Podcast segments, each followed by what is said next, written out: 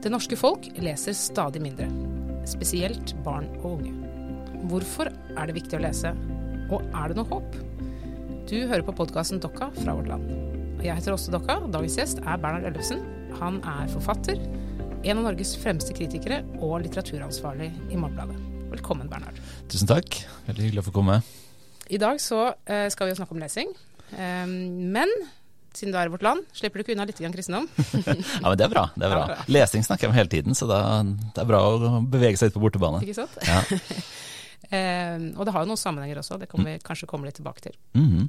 Men kan du si noe som du syns er eh, bra og dårlig, eller eh, verst og best, eller eh, bekymringsfullt eller gledesfullt ved kristendom? ja, um, og det er ikke så lett å si noe som ikke er banalt, da. Um, men hvis Banale skal... har også en plass, da. Ja, da men, um, men, for min egen del så tenker jeg jo egentlig mye på uh, hvorfor noe finnes, uh, selvfølgelig, uh, som sikkert alle gjør. Og så tenker jeg jo at det må ha noe med noe å gjøre. Uh, at uh, ikke alt dette uh, kan finnes ut av ingenting. Men så tenker jeg også at det, hvis det er en grunn til at alt finnes, da, eller noe har skapt alt, så, så, må det være oss så vilt fremmed. Liksom. Det må være så radikalt ikke-menneskelig. Og det har jeg vært litt opptatt av når jeg har skrevet om natur osv., som jeg har skrevet en bok om òg. hvordan man forholder seg til det som er noe helt annet enn oss. Og hvis det skulle vært noe som er utenfor det som er, så må det være virkelig sånn langt, langt uh, bortenfor oss også. Så det er jo på en måte en slags religiøs anfektelse, eller noe som er bra med kristendom, kanskje, er at man kan uh, tenke det i en retning. Og så da blir det på en måte baksiden av medaljen, da, ha med det samme å gjøre. Og det er jo at å binde den radikale annerledesheten, eller det vilt fremmede, eller det liksom uforståelige, grunnen til at noe finnes, til eh, fortellinger. Det er ok, selvfølgelig, vi må jo fortelle for å forstå noe som helst, eller nærme oss noe. Men liksom ned til eh, dogmer eller, eller, eh, eller liksom eh, ritualer, eller mer og mer sånn menneskeliggjørende bilder av en gud, f.eks. Det er nok det minst tilfredsstillende, da. Fordi, fordi, det, fordi kristendom på en måte er et svar på noe jeg selv lurer intenst eh, mye på, og svaret bare tidvis er godt, da, så er liksom det, det er både kvaliteten og, og, ulempen for meg, da, i tillegg til selvfølgelig at man har gjort mange dumme ting i religionsnavn, men det, det, det har man, man har gjort så mange dumme ting i så mange tings navn, så det, det skiller ikke eh, kristendommen seg kanskje så mye ut. Men det, det, er, det at man liksom dette er jo utrolig eh, vanskelig å tenke på, og jo, jo, enklere man tenker om det, jo mer frustrerende er det, da.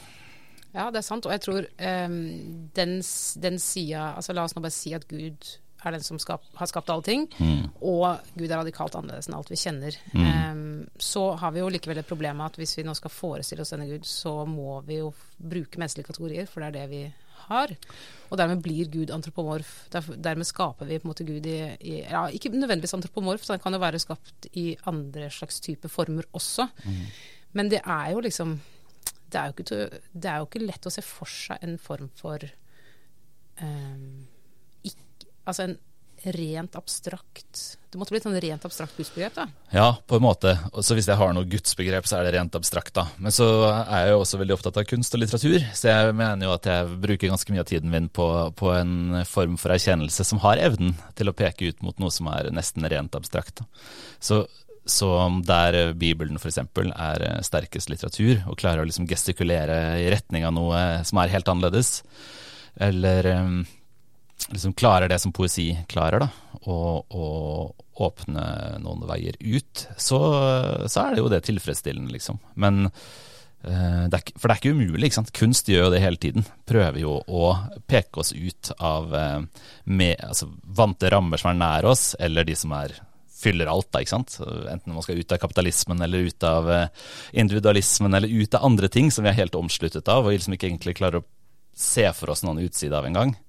Eh, så kan jo på en måte fortellinger og poesi og sånn, gjøre det også med selve metafysikken. da. Ja, og det, og det, det, er jo en gøy ting med kristendommen, som ikke bare er gøy, men som også måtte ha denne kvaliteten, er jo det med fortellingene. Mm. At det er så veldig forankra i fortellingsuniverset. Eh, som jo er å, altså grunnleggende sett åpent. Det er, eller det er jo ikke helt åpent, men det er, um, det er, ikke, det er ikke, lukka, da. Eh, I motsetning til f.eks. dogmer, som jo er et forsøk på et sånt én-til-én-språk. Mm. Um, ja.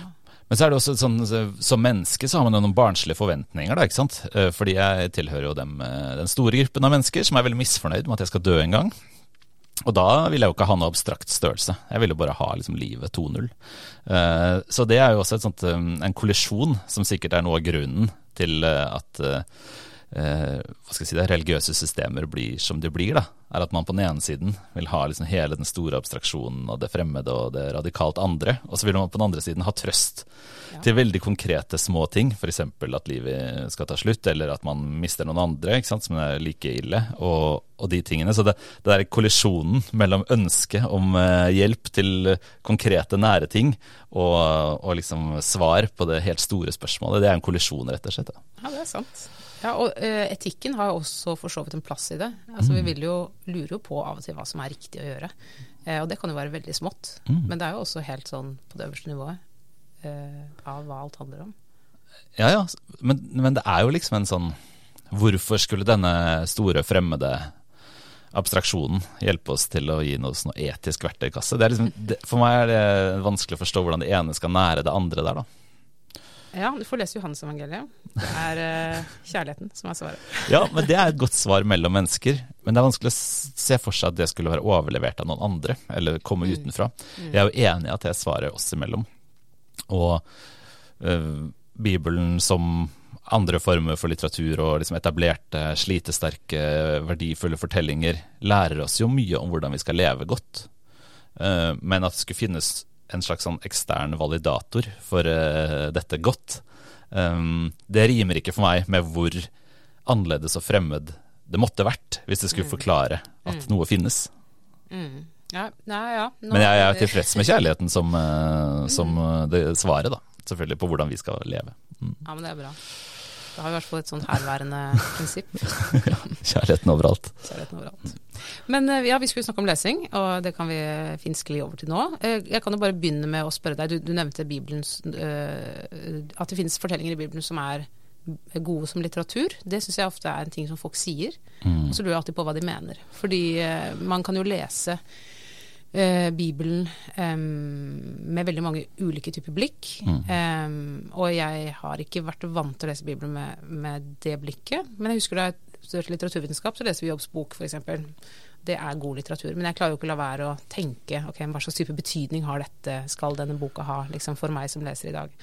Men hvis man klar, klarer å liksom lese Bibelen som litteratur uten å tenke på Nei, men nå, nå, er ikke mitt litteraturbegrep helt sammenfallende med det som eh, Jeg leste også jobbsbok på grunnfaget litt, litt da. Og jeg mener ikke det samme om litteratur som, eh, som, eh, det som ligger til grunn kanskje når man setter en sånn tekst på et sånt pensum. Det der med hva betyr dette for meg nå, hva skal jeg bruke det til? Det er spørsmålet jeg stiller når jeg leser all litteratur. Så for meg så, har, så er det en, liksom en etisk og, og eksistensiell og osv., osv., intellektuell, politisk, eh, erotisk altså Alle disse funksjonene da, er med når jeg leser hva som helst. Så, så sånn sett så leser jeg det som, leser jeg også Bibelen som litteratur. Men hvis jeg skulle sagt hva, hva som da gjør det til god litteratur, så er det ikke når det er spennende fortellinger eller, eller sånn nødvendigvis, selv om det også er, er verdifullt. Det er jo der eh, en rest av uforståelighet, ikke sant, uh, dirrer i teksten. Noe, noe, som er noe annet, noe som ikke hva skal jeg si, går ett med tapetet, da. Livstapetet. Ja, da er det liksom Abrahams Afrika, Isak og sånne ting som du tenker på? Det bare er helt Ja. Det kan være uforståelig på, på uh, hendelsesnivå, eller det kan være gåtefullt uh, språklig, ikke sant. Um, men at det er der det litterære skjer, for min del. da. At det, det skiller, seg, skiller seg ut fra språket jeg snakker, eller eh, vi, vi er omgitt av i eh, alle andre medier, eller eh, den uforståelighetsresten. da. Det er der liksom tenkninga begynner. Men så er det masse visdom òg, da. Så, og visdom er en viktig del av litteraturen. Harold Bloom, den, en litteraturforsker som sikkert interesserer oss begge, har jo skrevet en bok som heter 'Where Shall Wisdom Be Found', som jo er hentet fra forkynneren, selvfølgelig, den tittelen. da. Og ta liksom visdomslitteraturbegrepet inn og ut av Bibelen, ikke sant? over litteraturhistorien tilbake i Bibelen osv. Så, videre. så den måten å lese etter visdom på, som jo er veldig etablert overfor Bibelen, selvfølgelig, den, den gir mening for meg både innafor og utafor religiøse tekster rett og slett. Mm. Vi, visdom er eh, Eller vi, ordet visdomslitteratur syns jeg er en nyttig ting å stjele fra, fra det religiøse verden, og ta med seg over i romankunsten f.eks. Det jeg syns er eh, en av forskjellene mellom eh, for, for, meg så Jeg leser også andre bøker enn Bibelen på samme måte. Altså jeg, jeg, er ute, jeg, er jo bare en hobbyleser, så jeg vil bare ha noe som kan gi meg noe. Mm. Um, og det er jo det, sånn jeg leser Bibelen også. Uh, men det som er forskjellen for meg i hvert fall mellom å lese da en hvilken som helst roman og å lese Bibelen, er jo at uh, jeg kan ikke uh, Jeg kan legge den bort, men jeg kan ikke egentlig legge den bort. Altså Bibelen sin tilstedeværelse er jo helt sånn um, Den er ikke valgbar den, den, står og fortsetter å rope, da. Selv om man liksom Men hvorfor det, da? Hvem, hvem, hvem, har sagt at det skal være sånn? For, ja, det er deg, liksom? fordi jeg er teolog, selvfølgelig. Mm. Så det er, jo, det er, jo, kanon. ikke sant? Så jeg kan jo mm. si Jeg kan jo godt mene at liksom, ja, men eh, Eller som Luther mente liksom at uh, er det Jakobs brev som er verdiløst? Det trenger vi ikke lese. Men Jakobs brev står fortsatt i Bibelen. ikke sant? Ikke, du, har ikke, du, har ikke, muligheten til å velge det ut. Eh, og da blir det jo en sånn stein i skoen som ikke slutter å plage deg. Så det er den derre godtfølg-resten ja, ja. som er ganske interessant. For den, den, får du liksom ikke lov til å slippe, da. Mm, for, I min posisjon. Men er da Bibelen på en måte Har den nesten sånn ontologisk en annen status for deg enn en annen bok? Eller er det bare fordi at du har lest den mer, og, og selvfølgelig at det er ditt fag, og, og, og tenke over den og sånn, eller, men, eller er det i prinsippet en bok blant andre bøker? Nei, i prinsippet er det en bok blant andre bøker. Um, det er ikke noe annen ontologisk status, men det har jo en um, det har en kanonisk status. Uh, det er en kulturell størrelse. Det er noen mm. som har mm. bestemt at sånn skal det være. Og så kan jeg synes hva jeg vil om det, men det er ikke mulig å endre. den ligger fast, og den kommer mm. til å fortsette å snakke uh, nå og i overskuelig framtid. Og da, liksom, da må du forholde deg til de tekstene. Det er liksom bare gitt. Ja, nei, altså, eh, En bok vi kan uh, sikkert komme litt tilbake til, da, som, jeg, som jeg har skrevet om i, i, Morgenbladet, som er veldig relevant for denne samtalen, er jo en kollega av Joel Haldor, Haldorf, sin bok 'Bokens folk', som kom for noen uker siden. Og Den, den uh, gir jo noen konkrete liksom, argumenter for hvorfor man skal interessere seg for Bibelen som liksom, erkjennelsesskapende og mediumsdannende tekst. Og da, Den får meg jo til å tenke um, innenfor det vi snakker om akkurat nå, da, at Bibelen på en måte er viktigere bare fordi den er mer innflytelsesrik. Ja. Rett og slett. Altså mm. Innflytelsen er størst, mm. ergo, liksom. Ja. At det, den har hatt mer å si for hvordan man tenker, lager bøker, snakker sammen, organiserer ditt og datt A og B. Uh, ergo er den på en måte viktigere. Så det blir bare konkret nesten historisk faktum. Ja, det er litt sånn. Det er resepsjonshistorien og virkningshistorien som på en måte bare har, har gjort at det er sånn. Og mm. det kan man jo Uh, sikkert måtte være misfornøyd med, f.eks. Men det, det, hjelper ikke. ja, det hjelper ikke. det, det bygger oss over på et annet eh, spørsmål som jeg egentlig tenkte å spare, men vi kan ta det nå siden det passer godt. Det er jo sammenhengen mellom, i vår kultur da, mellom kristendom, religiøsitet og lesing, mm. uh, som historisk har uh, vært veldig tett forbundet. Og spesielt i Norge hvor uh, sko, altså hele, At skolevesenet i det hele tatt oppsto, handler jo om at folk skulle kunne være ordentlig kristne og bli konfirmert. Måtte kunne lære seg å lese katekismen og, og Bibelen osv. Og, um, og jeg har tenkt litt på om det ligger en eller annen sånn Jeg tror ikke det ligger noe, egentlig noe sånn uh, at, Jeg tror ikke det er noen logisk nødvendig sammenheng mellom lesing og religion. Men uh, det ligger i hvert fall noen sånne fellesting i bunn, har jeg tenkt litt på. Ja, altså hva, Men hva er det for noe, da? Er jeg, nå er ikke jeg noen ekspert på dette, da, uh, og det, mm, det, blir jeg veldig klar over når jeg f.eks. leser nevnte Haldorf, som kan mye mer om den konkrete historien enn meg. og Det er sikkert, altså det er jo en, en, slags litteraturstudie han har skrevet, så det er mange som kan sikkert mer enn han også, og oss. Men uh, jeg veldig, får veldig liksom, respekt for i hvilken grad religionen, da kristendommen, har forma lesing, selvfølgelig.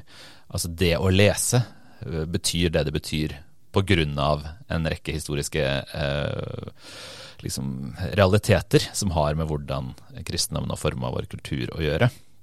Så det er jo opplagt tilfelle. Men, men om det har som liksom tankepraksis, eller om det har noe til felles, det, det, må det jo på en måte da ha. Fordi vår, det at vi leser i det hele tatt, er jo forma av at vi i århundrer og årtusener har lest disse religiøse tekstene. Så det er utenkelig det at, de, at måten jeg leser Vigdis Hjorth på en vanlig tirsdag, er uformet eller upåvirket av det, Nå er det jo liksom sånn at man tror at ChatGPT har endra alt på tre uker, eller at, at alt liksom er borte, at man må digitalisere skolen fordi eh, det er det eneste som teller, eller sånn. Men det er klart, vekten av 2000 år eh, kan jo nesten ikke eh, måles. Det, det, den, den er jo sannsynligvis altomfattende. Eh, så det er jo på en måte så er det sikkert mye som er felles mellom det å lese skjønnlitteratur f.eks. Og, og um, lese en uh, kristen tekst eller lese Bibelen. Men det må jo også skyldes at det ene er forutsetningen for det andre, rett og slett historisk. Ja. ja. Ja, det er vanskelig å vite hva som er historisk, og hva som på en måte er, uh, har en annen type forbindelse. Ja, Men da kan man nesten anta men, at alt er historisk, tenker jeg. Ja, det kan man jo godt gjøre. Men, men jeg, tror, jeg, tror, også sånn rent empirisk så um, Jeg tror um, jeg tror i hvert fall at kristenfolk i Norge nå vil eh, nesten gjennomgående lese mer enn andre som er på samme utdanningsnivå som dem selv. Altså, jeg, jeg tror det er eh, men er det, gjetter du? Altså jeg, jeg, kan være enig i gjetningen, ja, men hvorfor, det, nei, hvorfor det? At, eh, For det første fordi at det å lese i Bibelen er et ideal for alle eh, kristne. Mm. Eh, og det er nok ikke alle som gjør det, men veldig mange gjør det nok litt. Um, og fordi man har tekstlesing som en så sentral del av selve trosutøvelsen. Hvis man går i kirka på en søndag, selv om du går i en Du trenger ikke gå i norsk kirke, du kan gå i hva som helst, så vil det bli lest en bibeltekst. Altså det, tekst ligger liksom til grunn for hele, mm. eh, hele alt det man gjør. Og, eh, men ikke bare det, det handler jo også om den der andaktsboksjangeren som fortsatt står veldig sterkt, hvor man skal liksom lese et lite stykke hver dag. Så det å, det å speile livet sitt i tekst, det er liksom en praksis.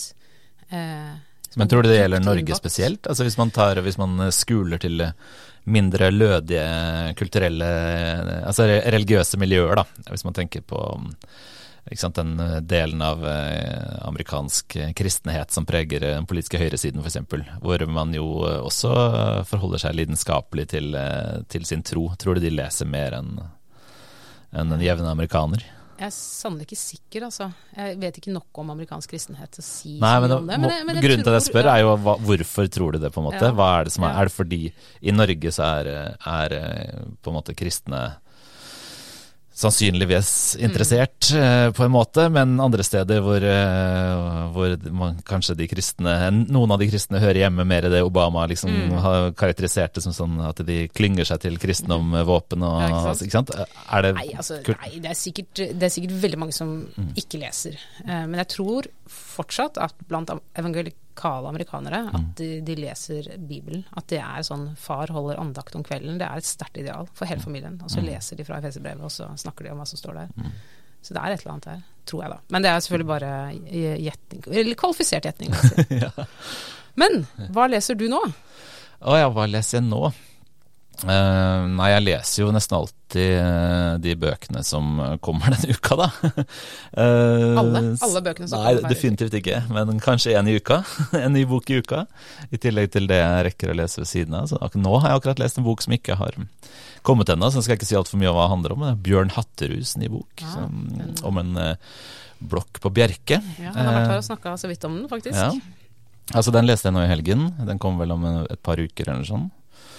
Um, ellers så har jeg akkurat begynt på Lars Ramslis nye roman. Mm. Så leste jeg um, Virginia Woolfs 'Mrs. Dalloway' for uh, to uker siden. Så det blir sånn uh, Men er, jeg prøver jo Nei, jeg leser egentlig alt. Jeg, jeg tror jeg er helt sånn sinnssykt altetende, faktisk. Ja. Sakprosa, skjønnlitteratur, gammelt, nyttig, sånn utrolig ustrukturert uh, og veldig um, glupsk blanding. Men er det sånn at du styres i stor grad av hva som mer eller mindre tilfeldig finnes rundt deg? Altså Hvis du har vært på et loppemarked, så har du kanskje kjøpt et eller annet, eller, eller går du planmessig til verks og oppsøker titler? Jeg tror kanskje jeg er sånn eh, Siden jeg har tilgang til alle bøker hele tiden, altså helt rent faktisk har det, jeg kan bare be om PDF-er av alt som jeg har fått de siste ti årene, så får jeg det i løpet av en dag. Eller jeg har alle? Jeg har alle bøker tilgjengelig, føler jeg. Så jeg er sånn digital uh, idealsituasjon, sånn som det burde vært. Sånn som internett burde vært. Uh, så da leser jeg akkurat det jeg har lyst til. Uh, så jeg blir veldig utålmodig med min egen bokhylle, eller med liksom begrensninger på boktilgang. Jeg, jeg, selv om jeg har 500 bøker jeg ikke har lest, så gidder jeg ikke lese dem. Jeg vil lese, jeg, det, er en, det, er en, bok som detter ned i hodet, hodet på meg. Som, nei, nå må jeg lese den. Mm. Men da, da, da, må det være den, ja. Jeg, jeg, jeg er ikke sånn romantisk sånn Komme på en hytte har, som jeg har lånt av noen venner, og der lå det Altså, det er ikke en Perek-novelle, da. Uh, mitt leseliv. Det er ikke sånn at jeg blir sittende med en fremmed bok som jeg aldri har hørt om, og blir oppslukt hele natten. Jeg, det er mye mer eh, kynisk, liksom. Jeg leser Jeg trenger det, jeg må lese den, jeg vil ha det, jeg er nysgjerrig på det. Uh, og så har jeg veldig dårlig tålmodighet med, med det jeg syns er middelmådig, da. Så jeg jeg blir veldig kresen leser, tror jeg. Men, men, samtidig så tror jeg jeg kan lese høyt og lavt og, og sånt ja. noe, da. Men jeg, jeg, det skal være nyttig for meg. Men hva, hvor, oss, hvis vi ser på det som kommer av skjønnlitteratur i Norge nå, mm. hvor stor prosentandel vil du si er middelmådig eller dårligere? Prosentandelen må jo være veldig, veldig høy uh, på det. Men hvis du tenker uh, Altså jeg syns jo generelt at uh, norsk samtidslitteratur er bra.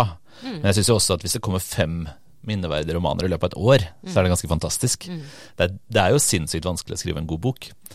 Uh, og um, hvis, hvis, det kommer fem Hvis det blir stående én i 100 år fra ett år så er Prosentvis er jo det da knusende, ikke sant? Men da har du, en men, doms, uh, altså, da har du et, et uh, parameter som er veldig hardt. Altså, det, jeg tenker jo at mm. Om det står om 100 år, det trenger det jo ikke gjøre. Det kan jo være en utrolig viktig bok akkurat nå. Ja, nettopp. Mm. Så, så, derfor er, mener jeg jo at det meste er middelmådig. Det ligger jo i ordet, på en måte, eller dårligere. Men um, men det kommer liksom nok bra til at jeg er imponert over helheten likevel. Og så er det som du sier, da.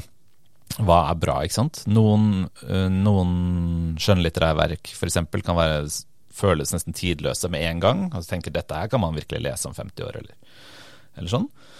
Andre er jo gjennomslaget, det viktige. Mm. Hva gjør boka nå?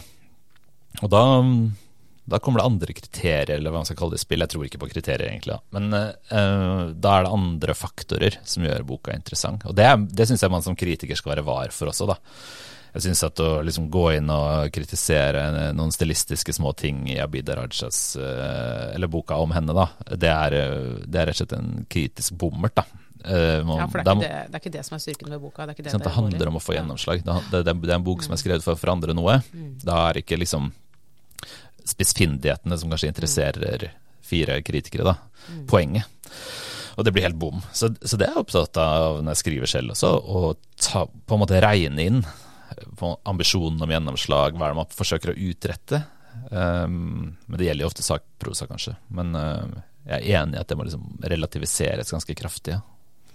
Men når du da er um, litteraturviter og ansvarlig for mm. uh, en boksatsing i, i Morgenbladet hver uke og osv., så, videre, så er jo det fordi formodentlig bøker har en stor og viktig betydning for deg personlig.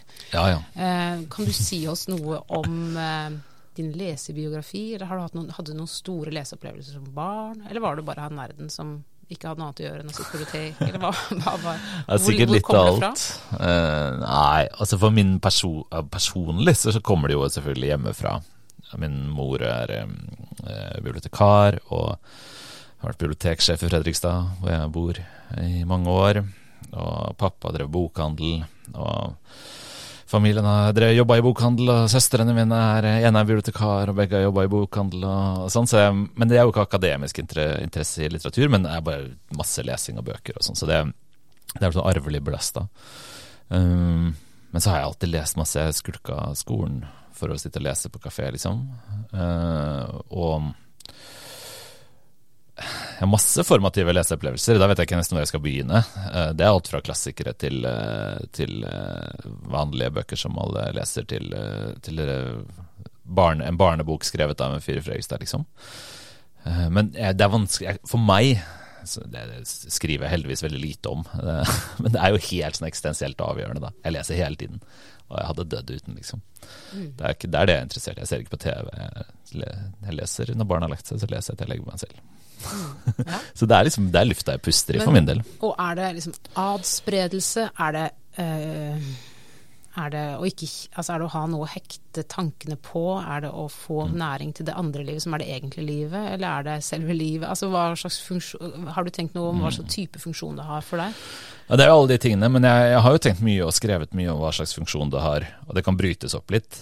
For meg som tenkende menneske, så er, tenker jeg jo på bøker som verktøy. Det har jeg, det har jeg, jeg har hatt som prosjekt, prøv, å prøve å vise frem at bøker er verktøy. At jeg er ikke interessert i litteraturen for litteraturens egen skyld, eller kunst for kunstens egen skyld, eller noe sånt. Jeg er interessert i hvordan vi kan bruke bøker til å tenke.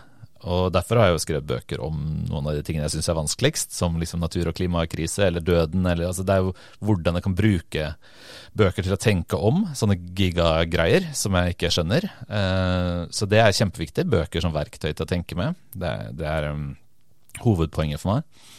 Men så tror jeg også Uh, mer eksistensielt så er det at tankene mine har, Altså jeg har veldig dårlig tålmodighet med liksom TV og film og sånn, for da blir jeg sittende og tenke på noe annet.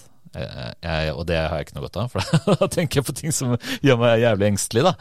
Eh, Så, så litteratur har i hvert fall jeg funnet ut da, at det er det, den kunstformen og den uttrykksformen som rett og slett um, tar tak i hodet mitt. da. Og um, eh, krever all min oppmerksomhet, rett og slett. Der hvor jeg kan Der forsvinner jeg jo selv. Det er veldig gunstig eh, å slippe seg selv eh, i lange strekk av tid. Eh, og jeg er fullt engasjert. Hodet mitt er liksom helt Jeg jobber helt. Og det, mm, det setter jeg så høyt, eh, rett og slett. Så jeg, når, når jeg sitter og ser på en TV-serie, eller sånn, så blir jeg bare, sitter jeg bare og tenker på 18 ting som, eh, som jeg ikke har glede av å tenke på. Men eh, når du da har lukka den boka som oppslukte deg helt, da, da har den et liv etter det også, som en type du snakker, Når du snakker med det som verktøy, Ja, altså at, at det på en måte at den kan gjøre noe i det primærlivet ditt, liksom. Ja ja, da går den i verktøykassa. Mm. Eh, nå, er jeg, nå, nå er jo jeg på en måte en slags tankearbeider, da, sånn som du er også. ikke sant? Vi, vi, vi, det er jo verktøy helt konkret i jobben vår. Og når vi skal prøve å tenke over ting, analysere ting, reflektere over ting offentlig, så er det jo selvfølgelig kritisk viktig i verktøykassa, men det er jo også viktig i verktøykassa som man bruker i livet. Ja, sant? Du skal jo oppdra barn og Nettopp. Og eh, på en måte elske andre mennesker. Mm. og, og respektere at andre mennesker er forskjellige enn en Mm. selv, osv. Så, videre, så jeg tror jo også på, veldig på eh, det som jo etter hvert har blitt en klisjé, men at, at romaner f.eks. er en empatiteknologi. Eh, som f.eks. en av mange, men Steven Pinker skriver om, at man, mm, man får tilgang til en form for innlevelse og empati som man ikke får andre steder. Harold Bloom igjen har jo også sagt at du kjenner du kjenner jo på en måte Hans Kastorp bedre enn du kjenner den du er gift med, fordi du har tilgang til Hans Kastorps indre, men ikke til indre livet til noen andre. mm, Det er jo Percy Bysshe også sier jo dette, at det, det er empatien, innlevelsesevnen og empatien som er hele Ja, det, men det er jo noe som på en måte dukker opp på 1800-tallet, og vi leser litteratur som er eldre enn det, og den gjør jo ikke det, på en måte. Der er det jo ikke, det er jo ikke empati som utvikles. Eh, Det er jo først og fremst romanene fra 1800-tallet framover som gjør det. Så det er jo ikke det eneste. Men jeg, men, og jeg tror jo heller ikke at det er noe sånn nødvendig konsekvens av å lese bøker at man blir et bedre menneske, men eh, det kan hjelpe. og man kan prøve, da. Men det finnes mange gode mennesker som ikke gidder å lese bøker i det hele tatt, så det er jo åpenbart flere veier til mål, men for meg er det et forsøk, da. Men dette er interessant. eh, Da jeg eh, lurte på hva jeg skulle bli når jeg ble stor, og skulle studere på Blindern, så, eh, ja, så tok jeg litteraturvitenskap grunnfag, men slutta og begynte på teologi. Fordi eh, jeg opplevde at det jeg var interessert i med bøkene, det var ikke tematisert. Eh, Ja, men Si litt mer om det, da. Hva, hva betyr det? Hva Ja. var det du var jo, interessert fordi i? jeg var jo interessert i Altså som en eh, lesende tenåring, eh, så var jeg Mm. veldig interessert i hva bøkene sa meg eh, om livet mitt, ikke sant. Mm. Det var jo det jeg ville ha. Men da jeg kom til Blindern, så var det litt sånn er teksten autonom? Mm. hvordan, struktur, altså, hvordan oppstår mening ut fra disse strukturene? At man hadde et blikk på eh, hvordan teksten gjorde sånn og sånn, og ikke så mye på hva teksten gjorde. Eh, og det er for så vidt legitimt. Man kan jo sikkert være enig eller uenig i det litteratursynet. Og det er kanskje mer uh, liksom, mulig å operasjonalisere enn et studium som skal handle om en, den eksistensielle betydninga. Det blir jo en rar vitenskap, selvfølgelig. Ja, det blir. Mm. en rar vitenskap. Men jeg, jeg gadd ikke det, da. Fordi det, eh, og for meg så var jo det å studere teologi var jo nettopp å få lov til å drive og hente ut ting fra tekstene hele tida, og spørre seg hva slags relevans det hadde. Men kom du til ideologikritikk? Eh, det kan jeg ikke huske. For det, det tenk, jeg, jeg, har veldig glede av min litteraturvitenskapelige utdannelse. Det har jeg også, det, det var det sant. ja, og det, og det, skyldes eh, for meg um, den andre siden av det å lese profesjonelt, som handler om uh, hva bøkene um, sier, uten å vite det selv. Hva er bøkene et uttrykk for? Og veldig ofte, i hvert fall når jeg anmelder bøker, så, så er jo det Altså, det er jo tekster, uttrykk jeg analyserer, ikke med henblikk på liksom å uteske forfatterens intensjon eller jeg vil jo vite hva de sier om verden. Ofte så sier jo bøker noe om verden uten å ville det. Eh, altså Noen av de mest nyttige bøkene jeg har lest de siste årene, er jo liksom Petter Stordalens første selvbiografi. Eh, det var ingenting av det som den ga meg, som var noe av det Petter Stordalen ville si. Men det fortalte meg utrolig mye om eh, kapitalisme og individualisme og eh, verden, rett og slett. Og hva vi setter høyt osv. nå. Så den den siden, eller den måten å lese på, følte jeg at jeg lærte på universitetet. Altså, jeg, Å lese med hjertet, som jeg gjør veldig mye, eh, det, det trengte jeg ikke universitetet til å lære meg. Men jeg, mm, det å være ideologikritisk, altså det å liksom prøve å finne ut hvilken, hvilke ideologier, hvilke uuttalte forutsetninger eh, litteraturen bærer med seg og kan avsløre for oss, det syns jeg var utbyttet der, da. Men, eh, men det er jo også et skille, da. altså I amerikansk litteraturundervisning for eksempel, så bruker man jo mye mer tid på å snakke om hva betyr den boka for deg, og, og sånn, og det, det, tenker jeg man kan savne. Uh, men det er jo liksom det vi ja, Det er jo derfor man leser som menneske, da. ja, nettopp. Og det mm. er jo uh, når, når liksom lesertallene nå går ned i Norge, mm. og litteraturen er i en type lesekrise. Jeg vil ikke si at litteraturen er i krise sånn for seg selv. Ikke estetisk, men publikumsmessig så er det en gryende krise. Kjempebra samtidslitteratur i Norge, mm. sett i forhold til folketall osv.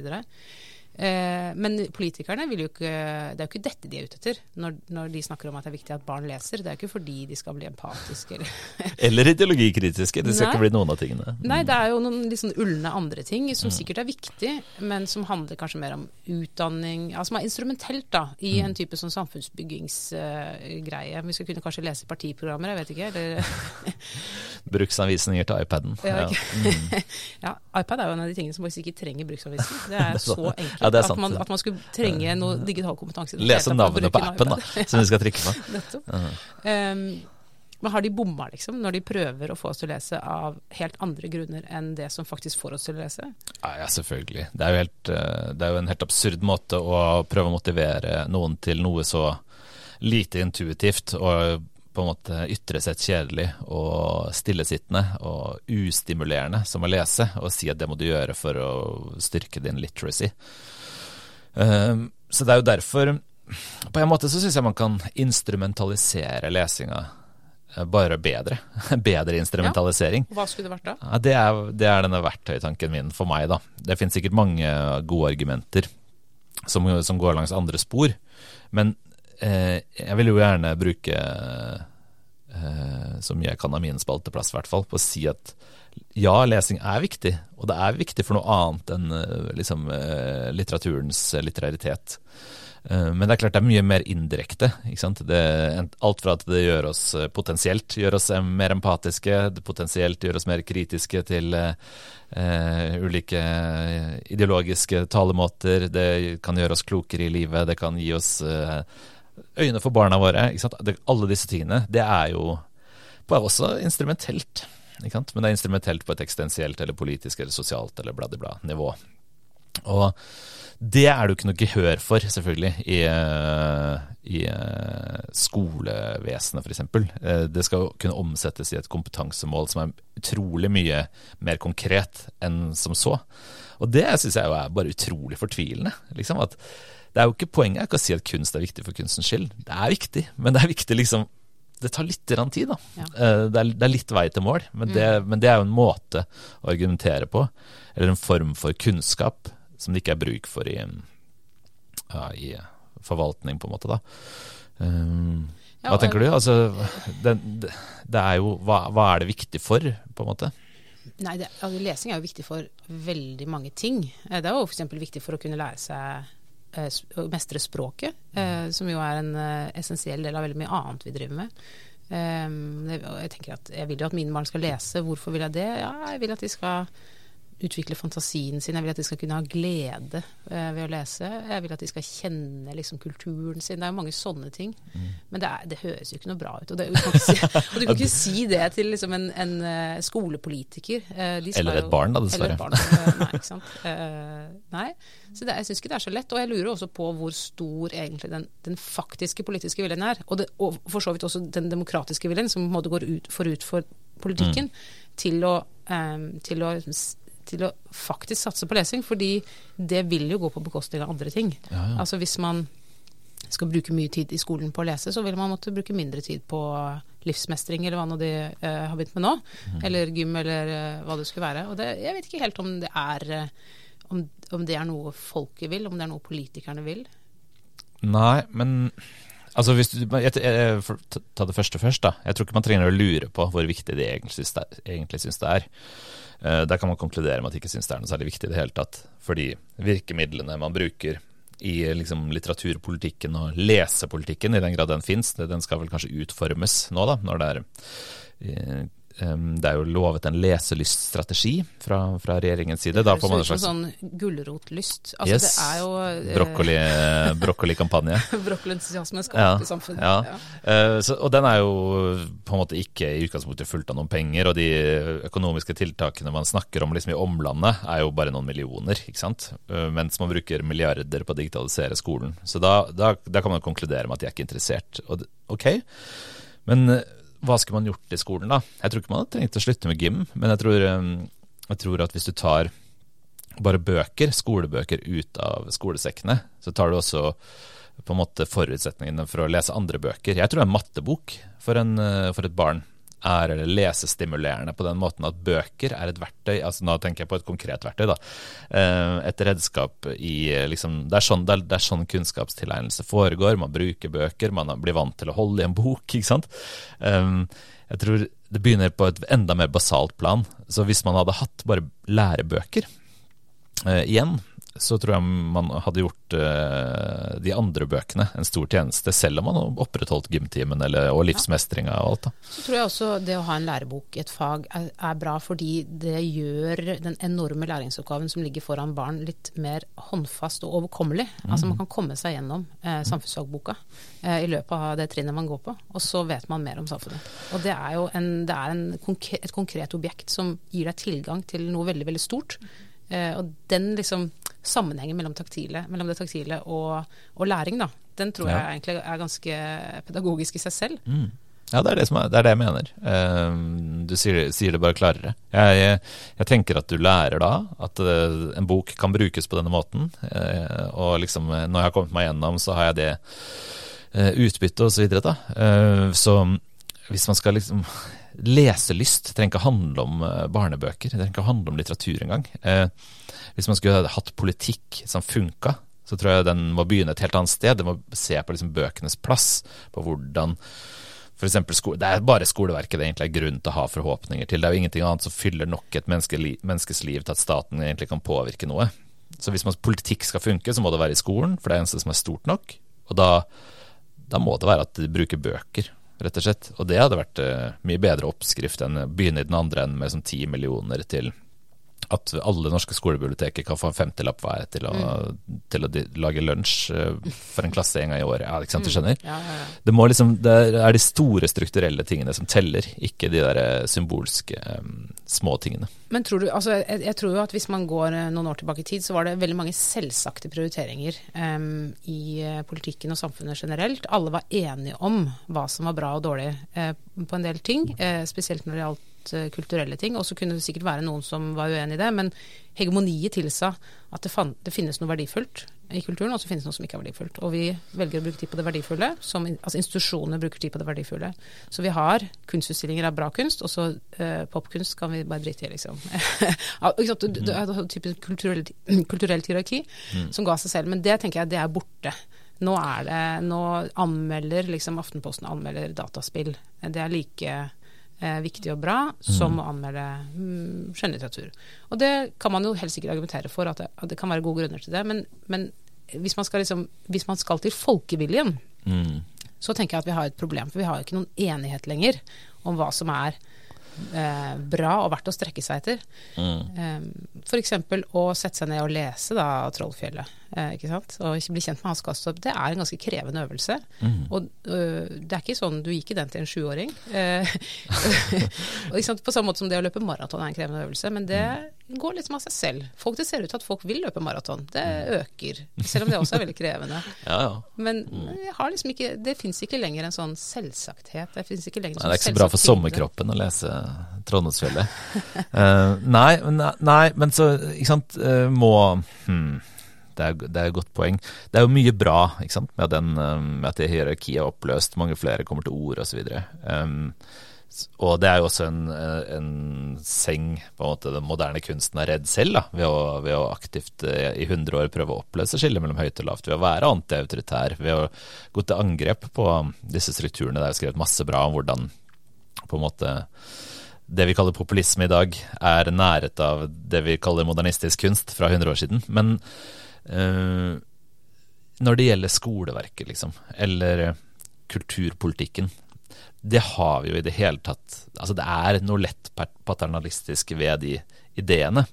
Og det, eh, det tror jeg på en måte det er ganske bred oppslutning om, sånn grunnleggende sett. Eh, hvis du spør vil du at noen andre skal bestemme over deg, så sier alle nei. Men, men hvis man tenker at er det riktig at voksne former noen ting det er lurt å lære for å bli voksen i samfunnet, så er, er, man sikkert med på at det kan være greit at noen bestemmer litt likevel.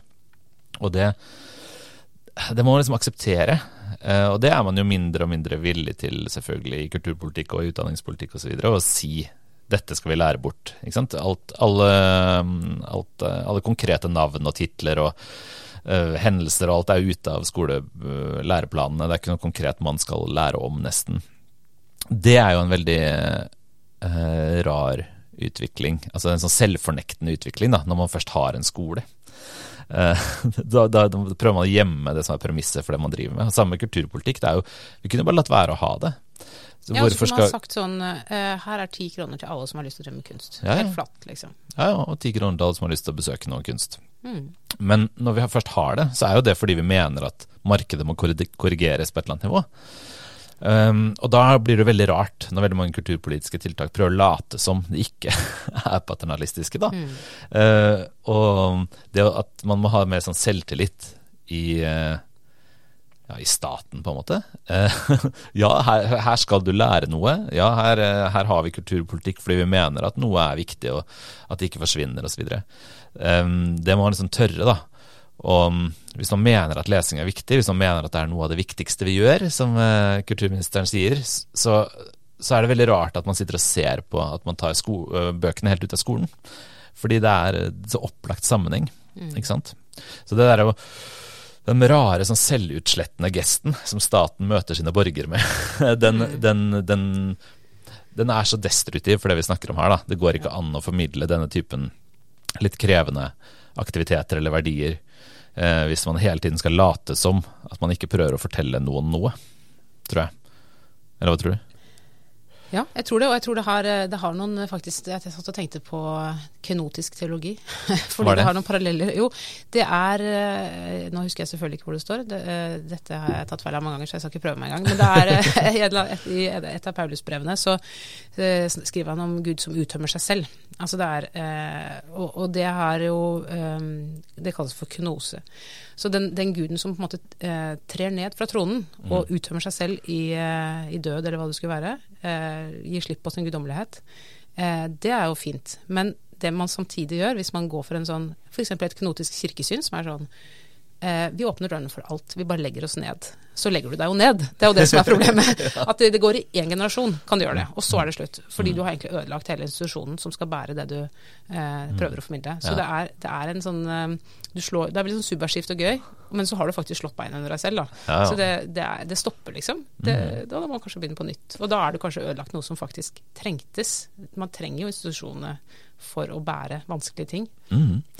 Ja, nei, Det er jo et, åpenbart et godt begrep da, for, uh, for den typen selvutslettelse vi snakker om. Den rystende erfaringen av at oppløsning faktisk fører til at noe blir oppløst. Mm.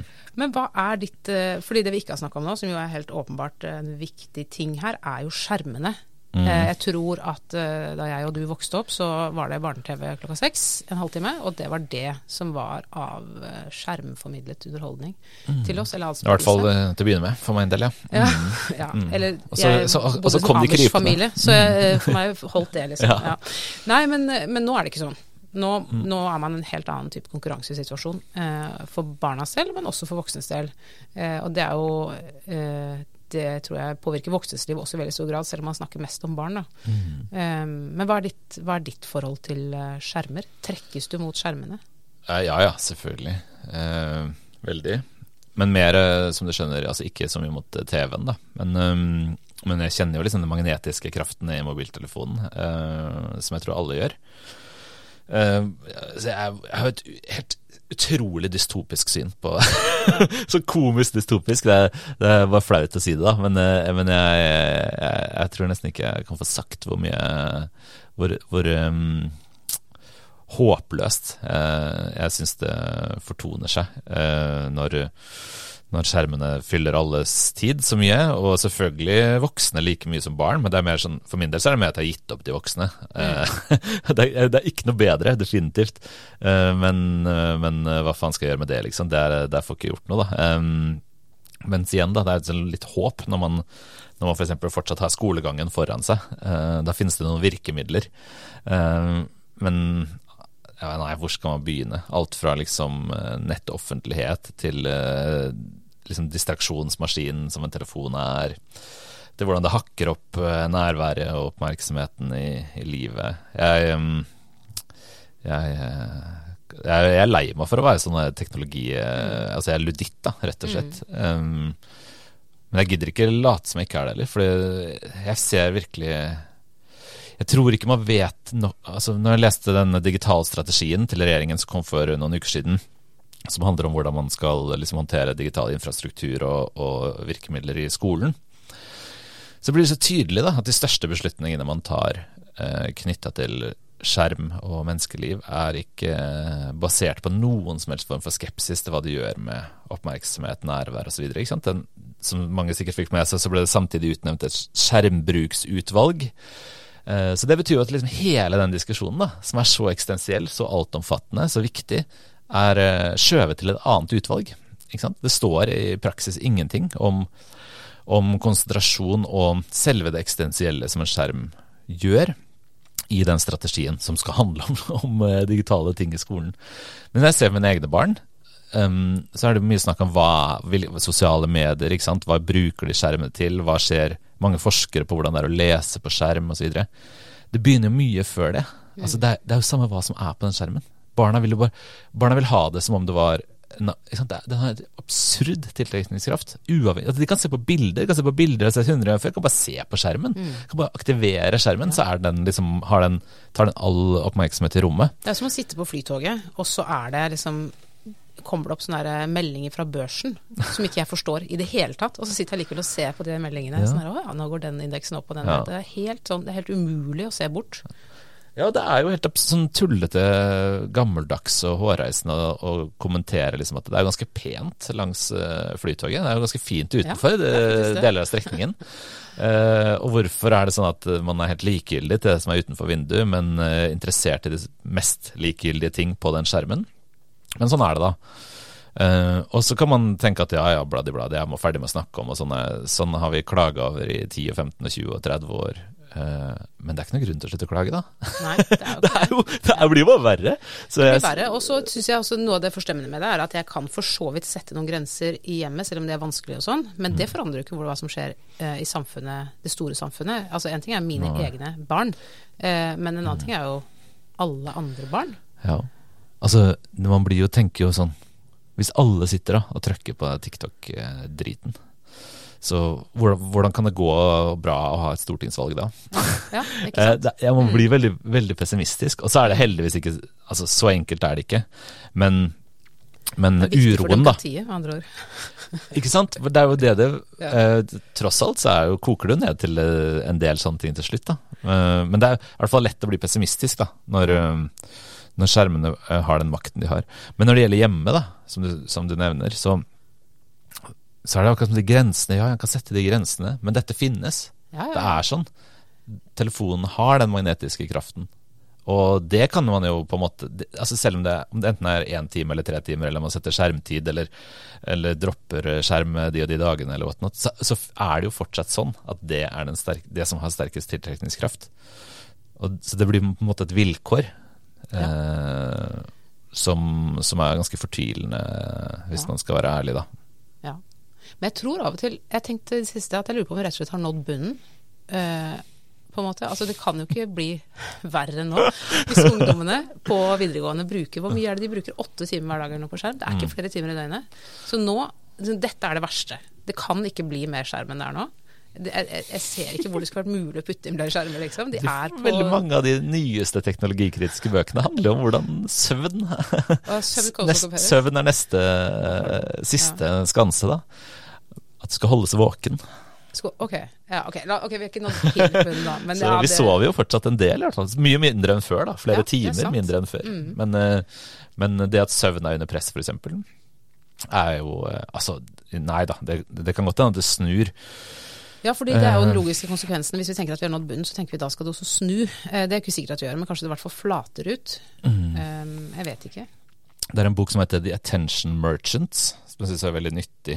Nå har jeg ikke notert ned forfatteren, så det ble gjort, men jeg kom på den nå. Ja. Tim Wu, tror jeg han heter. Jeg tror det er Tim, han heter i hvert fall Wu. Han er journalist, amerikansk journalist. Den kom i 2016. Og den handler om oppmerksomhetsøkonomien, som er denne ideen om at uh, varen er ikke det produktet du kjøper, men den oppmerksomheten du stiller til rådighet når du gjør det. F.eks. Uh, eh, når en avis selges for under kostpris, men annonseplassen er det som finansierer uh, virksomheten. ikke sant? Ja. Det handler om oppmerksomhetsøkonomiens historie gjennom 200 år. Veldig nyttig, enkelt fortalt, spennende bok. Um, og han er veldig interessert i tilbakeslagene. Altså mm. der hvor uh, man har gått for langt, og det har kommet backlash. da. Ja. Og alt fra de første annonseavisene i New York på 1830-tallet, til reklameplakatene i Paris på slutten av 1800-tallet, til radioens gjennombrudd på, i mellomkrigstiden, ikke sant? Eh, TVs gjennombrudd i etterkrigstiden. Og så viser dem hvordan um, hva skal jeg si da, den, den tilsynelatende uhemma utviklinga mot kommersialisme, mot liksom mer og mer høyere fart, uh, mindre og mindre dybde osv., har blitt korrigert av motstandsbevegelser, på en måte. Og De kan ta ulik form. Det kan være at uh, man i Storbritannia og i Skandinavia innførte allmennkringkaster samtidig som reklamefjernsynet liksom skjøt fart andre steder i verden. Eller det kan være være forbud mot reklameplakater i Paris, eller det kan være folkelige ting. Men det er en ganske sånn oppløftende bok, for han klarer å vise at ved hvert sånt store gjennombrudd i oppmerksomhetsøkonomien, så har det kommet motkrefter. Og det gir jo grunn til å tenke at, uh, at det finnes motkrefter. Og det gjør det jo, det finnes jo motkrefter når vi sitter og snakker sammen om dette her. Men at de kan ha altså en litt sånn håpefull fortelling om at det også kan virke, rett og slett. Uh, så det, jeg tror det kan funke, men det er klart det er vanskelig å se for seg at de der åtte timene per dag i skolen for ungdommer f.eks. ikke setter kulturelle og sosiale og eksistensielle spor, selvfølgelig. Vi må, eh, Siden eh, du slutta med noe ganske sånn håpefullt, så må vi slutte å snakke om akkurat dette nå. Men jeg er nysgjerrig på en siste ting, og det er ikke hva du skal lese i sommer, men hva du gleder deg mest til å lese i sommer. Det skal være det siste vi sier nå. Og jeg gleder meg mest til å lese i sommer. Um, hvis, jeg, eh, hvis, jeg, skulle ønske meg en bok som jeg ikke vet om kommer før sommeren, men den jeg venter mest på, det må være den neste boka til Solveig Balle. Oh, ja. Har du lest de bøkene? Jeg har lest uh, de to første, men ja. jeg, har ikke lest, jeg, har ikke gått til Danmark og lest uh, mer. Nei, det har jeg, da. Mm. Um, og jeg blir bare mer og mer gira. Hvor mange har kommet? Nei, det er fire. Som er ute nå, er på ute. dansk. Mm. Uh, og, og, så venter man da på nummer fem. Og jeg vet ikke, det kan godt hende det er neste sommer, da. Men, men uh, hvis det er liksom en bok jeg dirrer for, da, så er det, er det bok fem i Solveig Balles uh, roman, altså som skal bli syv. Og som vant Nordisk råds litteraturpris for de tre første, oversatt av Trude Marstein, de to første. Og for dem som ikke kjenner til dette verket, så er det altså om utregning av romfang. Ja. Mm.